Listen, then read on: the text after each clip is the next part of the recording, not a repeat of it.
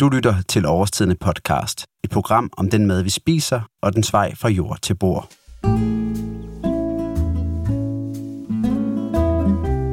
Det her første program handler om konserveringsmetoden fermentering, og det første er i alt to afsnit i miniserien Fermenteringens Kosmos. På få år er fermentering gået fra at være noget, kun den madinteresserede undergrund gik og eksperimenterede med. I dag taler alle om fermentering, og det at forarbejde sin egne fødevarer ved hjælp af fermentering er ikke kun forbeholdt de særligt indvidede. Og man forstår det godt, for fermenteret mad smager ikke bare godt. Det skaber mindre madspild, og så skulle det ligefrem være sundt. I løbet af den her serie, der vil jeg tage dig med ud på en rejse til de yderste afkroge af et mikrobiologisk univers. Et univers, hvor bakterierne og gærcellerne sætter betingelserne for livet. Og selvom det nok er de færreste, der synes, at bakterier og gærceller lyder særlig appetitligt, ja, så vil du snart opdage, at havde det ikke været for de her bitte små mikroorganismer, ja, så er vores liv set helt anderledes ud i dag. Astronauts report it feels good. T-minus 15 Så sæt dig godt til ret i din yndlingsstol og tag med rumskibet ud på en rejse i fermenteringens kosmos. 2, 1, 0. Liftoff. We have a liftoff. 32 minutes past the hour. Vi mennesker har i tusind år benyttet os af fermentering for at konservere vores mad. Før køleskabet blev opfundet, var det helt nødvendigt at kunne fermentere i forhold til at have tilstrækkeligt med mad at spise om vinteren. Men køleskabet har langt fra gjort fermenteringen overflødig.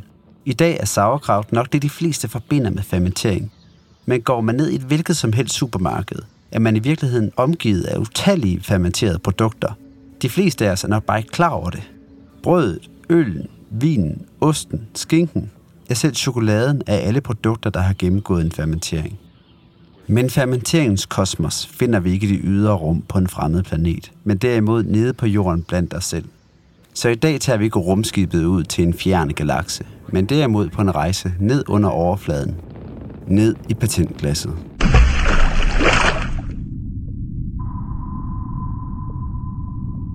Og her er vi så nede i patentglasset. I det her første afsnit af miniserien om fermenteringskosmos skal vi høre om, hvordan mennesket tidligere har udnyttet fermenteringen til madlavning. Vi skal også møde Anna Maja i hendes lille køkken på Christianshavn, hvor hendes overfyldte køleskab og de mange fyldte patentglas er det synlige bevis på, at fermentering så småt er begyndt at rykke tilbage ind i de danske køkkener. Men inden vi kaster os ud i alt det her, så skulle vi måske starte med at få defineret ordet fermentering. Fermentering betyder at gære, men bag ordet gemmer sig selvfølgelig langt mere end som så. Og hvis du vil vide, hvad det er, så er det nu, du skal spidse ører, for nu vil Lene Maria fra årstiden forsøge at gøre dig klogere på, hvad fermentering er. Begrebet fermentering det dækker over en nedbrydningsproces. Det er en proces, der langt hen ad vejen minder om den forrådnelse, som sker, når et æble eller en blomme falder ned fra træet. Når vi i køkkenet arbejder med fermentering, så er det en kontrolleret proces, hvor vi befinder os i grænselandet mellem modenhed og fordav. Og det er her alle de fineste og komplekse smage, de kan findes. Vi kender det jo allerede fra oste og gode pølser, men også fra vin og øl, som er fermenteret. Fermentering, som vi bruger det hos årsiden, er det, man kalder en mælkesyregæring af grøntsager. Alle planter er naturligt dækket af mælkesyrebakterier, som både beskytter planterne, men som også venter på at kunne komme til at nedbryde planterne, så de kan indgå naturligt i den komposteringsproces, vores natur er afhængig af for at kunne give ny næring til planter og træer. Så når æblet falder ned fra træet, så går de her mælkesyrebakterier straks i gang med at nedbryde æblet.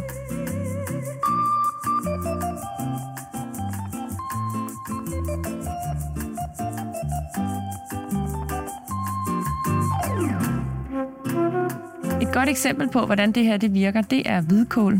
Hvidkål det er en særlig god plante at arbejde med, når der fermenteres, fordi dens overflade er enorm, og derfor sidder der tilsvarende enorme mængder mælkesyrebakterier på den. Når vi laver surkål, så snitter vi kålen i fine strimler, og så hjælper vi på den måde bakterierne med at få adgang til kålens fine, søde, sukkerholdige saft. Straks der går bakterierne i gang med at omdanne sukker til energi, så de kan formere sig og danne nye bakterier. Og i den her proces, der danner mælkesyrebakterierne mælkesyre, som så også gør miljøet syrligt. Surkålens syrlige smag kommer altså fra den mælkesyre, som bakterierne producerer. Efter tre uger, der kan vi smage på kålen, og ønsker vi en mere syrlig kål, så giver vi den en uge til, eller også så stiller vi den på køl. Og på den måde, der skruer vi processen ned på et minimum, og syrligheden den udvikler sig ikke yderligere. I forhold til fødevaresikkerhed, så bryder de farlige bakterier sig ikke om det sure og det salte miljø, som surkålen lever i. Faktisk er det kun skimmel, som er surkålens fjende. Men skimmel den er jo tydelig, for den har små fimrehår på overfladen, og den kan optræde i mange forskellige farver. Er der den mindste smule skimmel på toppen, så skal surkålen kasseres. Har der ikke udviklet sig skimmel, så er vores fermenterede kål klar til at blive spist. Den her væske, som omgiver os nede i patentglasset, er til at begynde med salt, men bliver med tiden mere og mere syrlig i takt med, at bakterierne omsætter planternes sukker til mælkesyre. Og det er den her proces, som gør, at vi mennesker i tusinder af år har været i stand til at snyde døden ved at forlænge levetiden på vores fødevarer. En af dem, der ved rigtig meget om, hvordan vi mennesker har brugt fermenteringen gennem tiden, er Asmus Skamdrup Petersen Jensen, der er madhistoriker og medejer af købmandsbutikken Kost. Jamen, jeg hedder Asmus Gamdrup Petersen Jensen, og jeg er øh, uddannet historiker, der har specialiseret mig i øh, faktisk i særdeleshed ost og øh, sure kirsebær. Men, øh, men mad generelt er, er mit specialeområde. Og hvad er din yndlingsfermenterede fødevare? Jamen, der er jo et øh, væld at vælge mellem, men hvis jeg lige skulle sige noget på stående fod, så vil jeg nok sige kimchi. Og kan du prøve at forklare, hvordan man historisk har brugt fermentering som en måde at få konserveret sine fødevarer på? Hvis vi tager det bredt, som det at konservere øh, forskellige fødevarer, så, øh, som jo man kan sige fermentering eller mælkesyregæring sådan helt grundlæggende er, når man ser på det historisk, så er det en måde at, at få ting til at holde længere. Så har det været helt afgørende for menneskets overlevelse, kan man sige, i en tid før supermarkeder, som øh, kunne importere råvarer fra, fra hele verden, og en tid før køleskabe.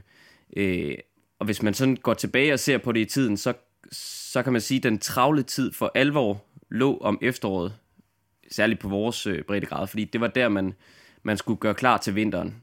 Øh, så det var der, at, at slagtetiden lå, og det var der, man, man skulle sørge for at få konserveret øh, fødevarer, så de kunne blive klar til vinteren.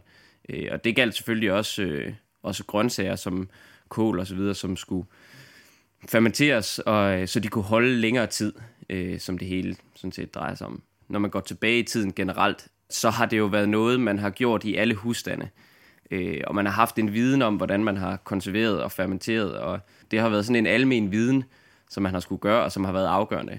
Øh, og i moderne tid er det jo, er det jo noget anderledes. Altså, der, er vi jo, der er vi jo afhængige af, af supermarkedet sådan helt grundlæggende, og vores viden om, om tilberedning af mad er, er jo ikke, øh, det er ikke noget, vi i samme grad i hvert fald har som erfaring. Der er særligt to grunde til, at fermenteringshåndværket er gået i glemmebogen. Den første er industrialiseringen. I takt med, at folk flytter fra landet og ind til byerne for at arbejde, bliver de i højere grad afhængige af at købe deres madvarer.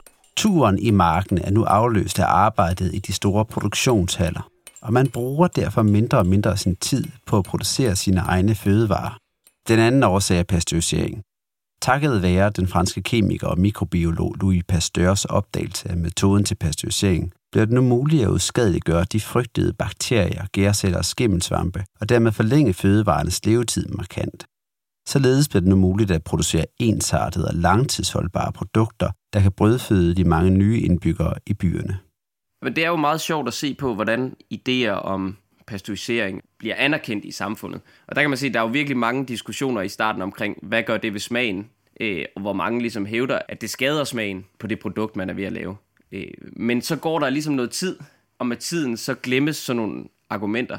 Og det kommer jo nok af, at der er sådan set nogle, der har været i starten nogle interesser, som særligt handlede om eksport af danske produkter øh, til udlandet, øh, hvor man har haft en interesse i at skulle skabe så ensartet et produkt som overhovedet muligt. Og så har det at, at pasteurisere en råvare blevet et, et almindeligt gode, øh, og det andet er blevet forbundet med med noget mere urent. Og så har det, så har det været sådan, så for eksempel helt op i 80'erne og 90'erne til nutiden, så har der været nogle listeria-udbrud, hvor, hvor man igen har hvad kan man sige, slået meget hårdt ned på det, fordi man har haft en frygt netop i forhold til igen sådan noget som eksport, at der skulle, man skulle blive associeret med noget, med noget urent og nogle processer, som ikke var, var helt rene. Og det, som har været det store ideal øh, siden 2. verdenskrig i særdeleshed i, i sådan produkter som ost og smør og lignende, det har været ensartethed.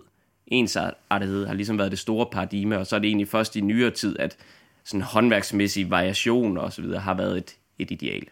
Ønsker man en fødevaremæssig variation, er fermentering ideel, hvor man med pasteurisering sikrer ensartede produkter ved at uskadeliggøre mikroorganismerne, ja, så er de fermenterede produkter levende, indtil de bliver nedbrudt i vores tarme.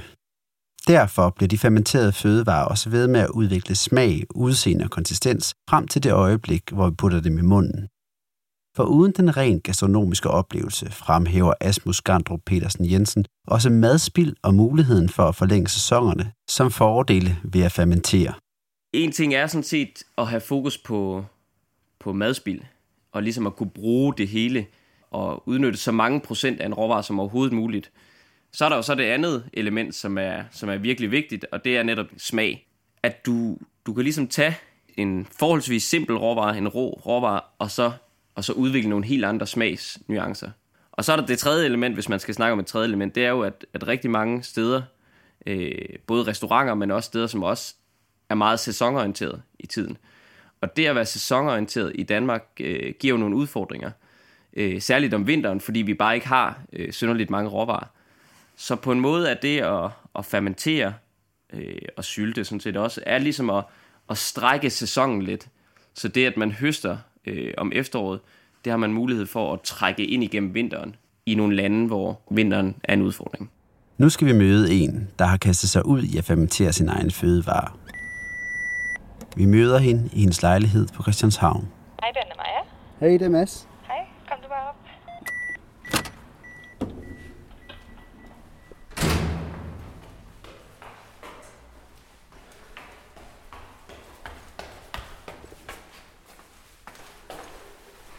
Hallo. Hallo, kom indenfor. Jo, tak. Hej. Velkommen til. Jo, tak. Kom indenfor i min lille hybel. Jeg kan se, at du allerede her har, har ting til at stå og fermentere. Ja, jeg har... Det første, man møder i gangen, når man kommer ind i den lille lejlighed, er naturligvis en reol, hvor bøgerne har måttet vige pladsen for diverse grøntsagsblandinger, og hvor de små bobler i glassene vidner om, at en fermenteringsproces er i gang. Og vi skal Ja. ud i køkkenet. Ja, jeg tænker, vi kan starte ud i køkkenet. Lad os gå Ja. derud så. Ja. Jeg hedder Anne Maja, og jeg bor på Christianshavn, hvor jeg dagligt tager til Hillerød for at studere psykomotorik. For tiden så vil jeg sige, at min yndlingsfermenterede fødevare at indtage, det må være, jamen det er jo nok min svigermors fermenterede grøntsagsblanding. Altså det hele det startede med, at, øh, at jeg i en lang årrække boede i Afrika, hvor jeg blev rigtig syg med madforgiftning af tre omgange som forårsagede, at jeg igennem to år derefter led rigtig meget af noget, man kalder irriteret tyktarm, som mange danskere vist kender til efterhånden. Hvor Anna Meyer til at begynde med kaste sig over fermentering i et forsøg på at give nødhjælp til sit eget tarmsystem, skyldes hendes daglige indtag af fermenterede fødevarer i dag i lige så høj grad smagen. Til at begynde med eksperimenterede Anne Meyer med at lave vand- og mælkekefir. Men siden er antallet af patentglas og flasker steget stødt. Inspireret af sin svigermor Eva, har Anna Meyer kastet sig ud i at fermentere grøntsager. Hun bruger Evas gamle fermenteringsbog fra 70'erne som udgangspunkt for de grøntsagsblandinger, der i dag står på regionen i gangen. Mit første forsøg med fermentering af grøntsager, det synes jeg ikke blev godt. Men der står også i bogen, at man skal bare blive ved, fordi det er, man skal lige, ja, man skal lige have fat i den. Men den første øh, forsøg, jeg havde, det var en blanding af kål og broccoli, bladcelleri og lidt forskellige ting i. Og den lå jeg simpelthen stå for længe. Jeg lå den stå i ja, fire uger, hvor det havde nok været bedre med tre uger. Så den blev alt for skarp i smagen. Den har vi til at stå herovre ved siden Den af i virkeligheden. stå. Jeg har gemt den, fordi jeg synes, det er lidt interessant at se, hvordan den udvikler sig. Men den, men den ryger snart ud, fordi min kæreste, han synes, det, den lugter af prut, og han synes måske, vores lejlighed nogle gange lugter lidt af, af prut. Ja. Ja. Så han har lavet sådan en spray med lavendel, jeg kan gå og sprøjte med. Men ja, det er jo så måske et af de eneste minuser, vil jeg sige, ved at fermentere selv, det er ikke i drikkende, altså, men hvis man fermenterer grøntsager, så kan der godt ud, altså der kommer nogle gasser ud, som har en kållugt. Men altså, den, den der er gået galt derovre, ser jo ikke øh, uappetitlig ud. Men kan du, hvorfor er den gået galt? Jamen, altså, det er jo også svært at vurdere, om den er gået galt. Men det bedste råd, jeg har fået, det er, at man lugter til det. Altså, man bruger sit syn, og man bruger sin smagsans og sin lugtesans. Lugter det godt, så har det det godt. Smager det godt, jamen så er det også godt. Og, øh, og synsansen på den måde, at mug, det danner hår, og hvis der er noget, der kan godt på kombuchaen komme noget, noget hvidt snask, øh, noget hvidt, øh, sådan puderagtigt støv ovenpå, som nogen måske, så kunne man tænke, ej, det er mug, Men så er det en form for gær, som kan udvikles, som man bare fjerner. Men jeg vil sige, at jeg bruger rigtig meget Facebook-gruppen Kefir og Kombucha til at finde ud af, jamen, er det her mislykket, er det ikke? Så beskriver jeg min case ind på siden, og så svarer folk. Og der er nogen derinde, som er meget kompetente til at svare. Og her har vi, øh, vi har tre forskellige glas, foruden den, der skulle være gået lidt, lidt galt, eller blevet mm. for sur.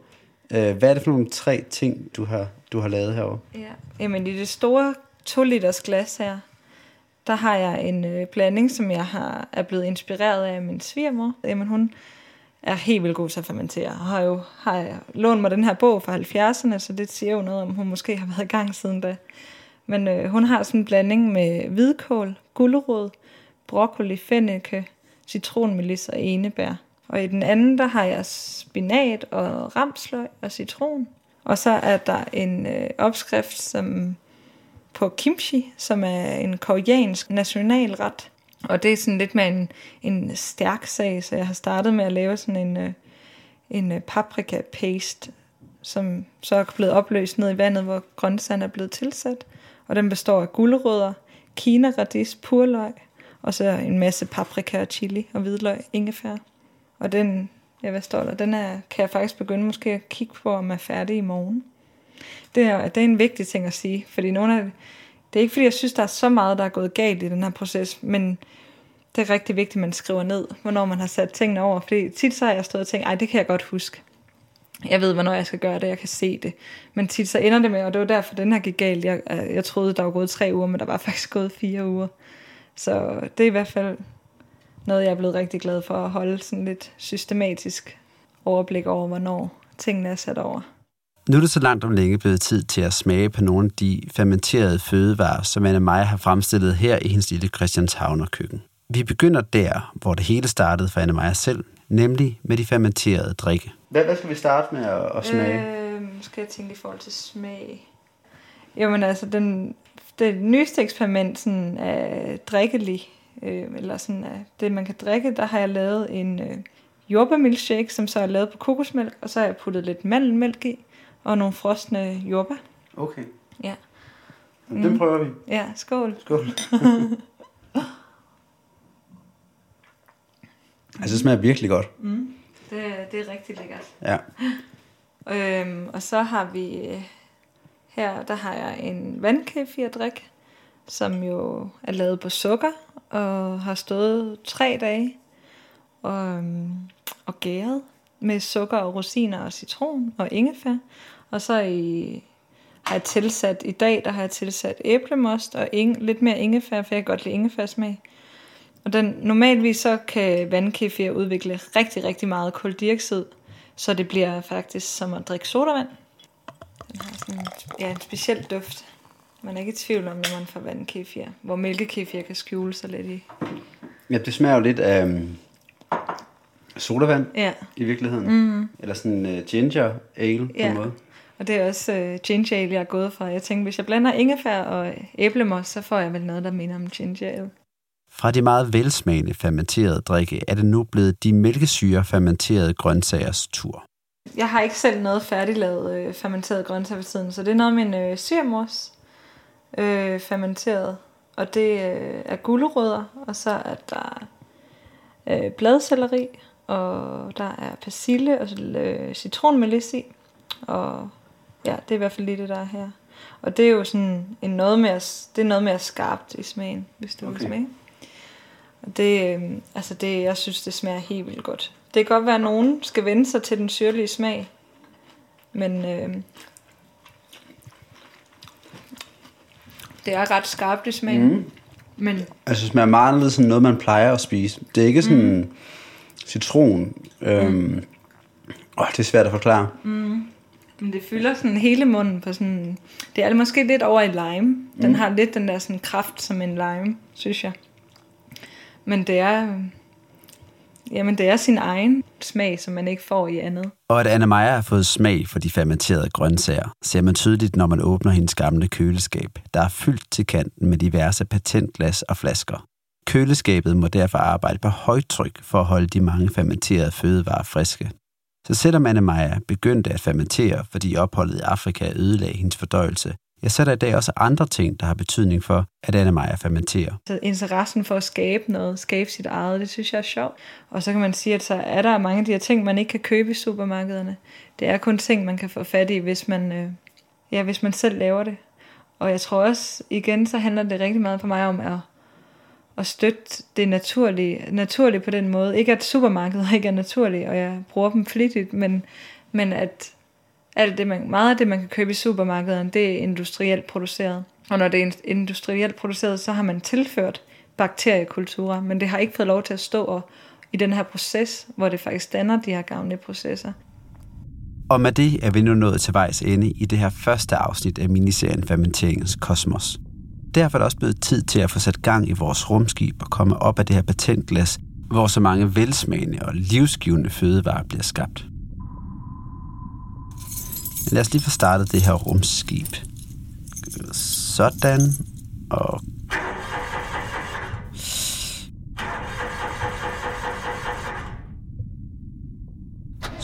Sådan. Og lad os så komme op herfra.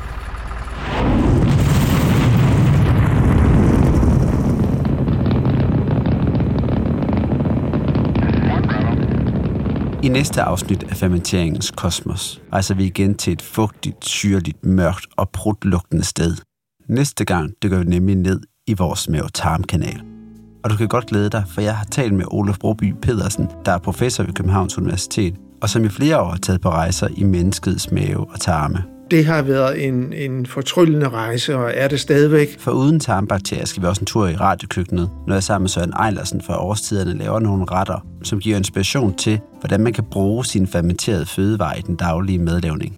Den podcast, du lige har lyttet til, er lavet af mig, og mit navn er Mads Medik Fuglsang Holm. Udsendelsen er lavet for Årstiderne. Asger Kudal har hjulpet med at mixe og klippe udsendelsen, og det er også ham, der har lavet dele af musikken. Temamusikken er dog lavet af Søren Ejlersen. Vi lyttes ved.